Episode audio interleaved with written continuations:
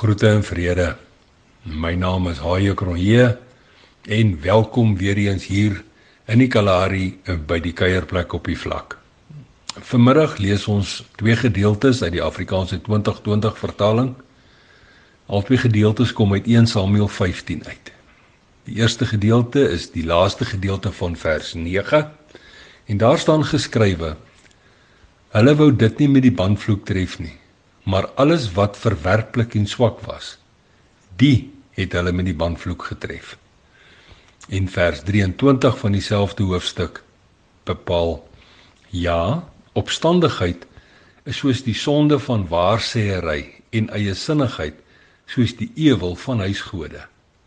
Omdat jy die woord van die Here verwerp het, het hy jou as koning verwerp.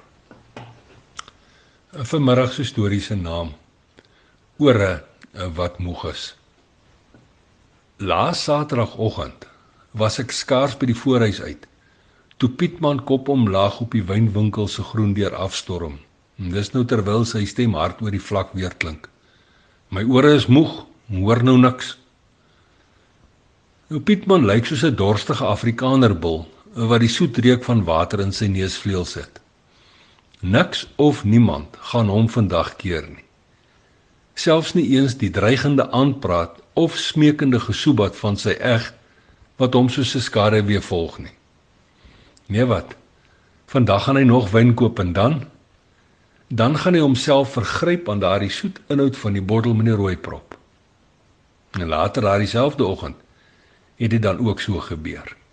Heel te veel soetwyn het Pietman se knieë onseremonieel onder hom laat invou van Pietman se ore is moeg en hulle hoor niks nie.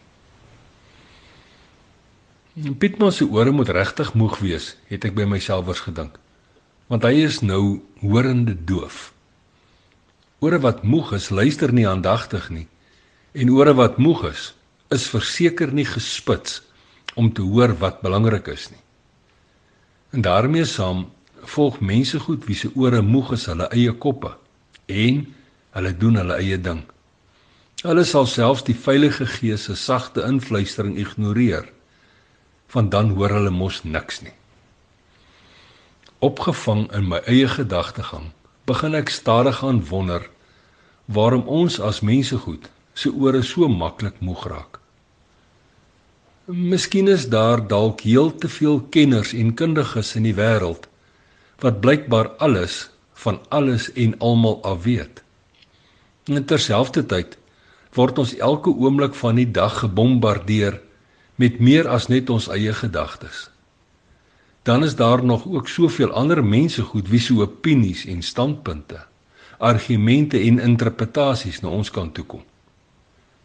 En asof dit nie genoeg is nie, speel voortdurende geskinder, konstante negatiewe gekerm en volgehoue pogings om die waarheid vreemd voor te hou ook nog 'n betekenisvolle rol. Het jy al mooi gedink wat die prys is vir daardie ore wat te moeg is om my te hoor? Vra die Heilige Gees net toe Pietman en sy eg uit die wynwinkel uitkom. Dit is 'n prys wat nie jy of enige mens kan of wil betaal nie. Dink mooi. Ek het mos destyds gesê dat ek spyt is dat ek Saul koning gemaak het. Hy was ontrou en ongehoorsaam aan my en my opdragte. Saul se ore was te moeg en daarom het hy sy rug op my gedraai. Sy ore het niks gehoor nie.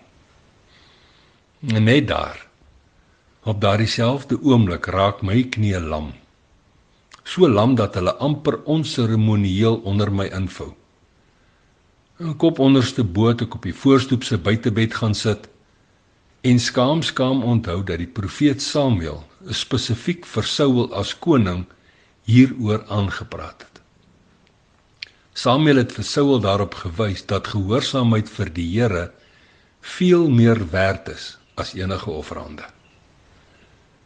Nodeloos om te sê moes ek daar en dan vir hulp en ondersteuning by God se kerelkind vra. Ek het vir hulp en ondersteuning gevra vir my ore wat tog so maklik moeg raak. sien Ek sukkel soms om sy stem te hoor en om sy hart waarlik te verstaan. Ek het sy hulp en sy ondersteuning nodig. Want vir my is die risiko net te groot om te leef met ore wat moeg is en nie sy stem hoor nie. Nou ja toe. En tot 'n volgende keer. Los mooi spore in Sandkorrelbaai seëninge.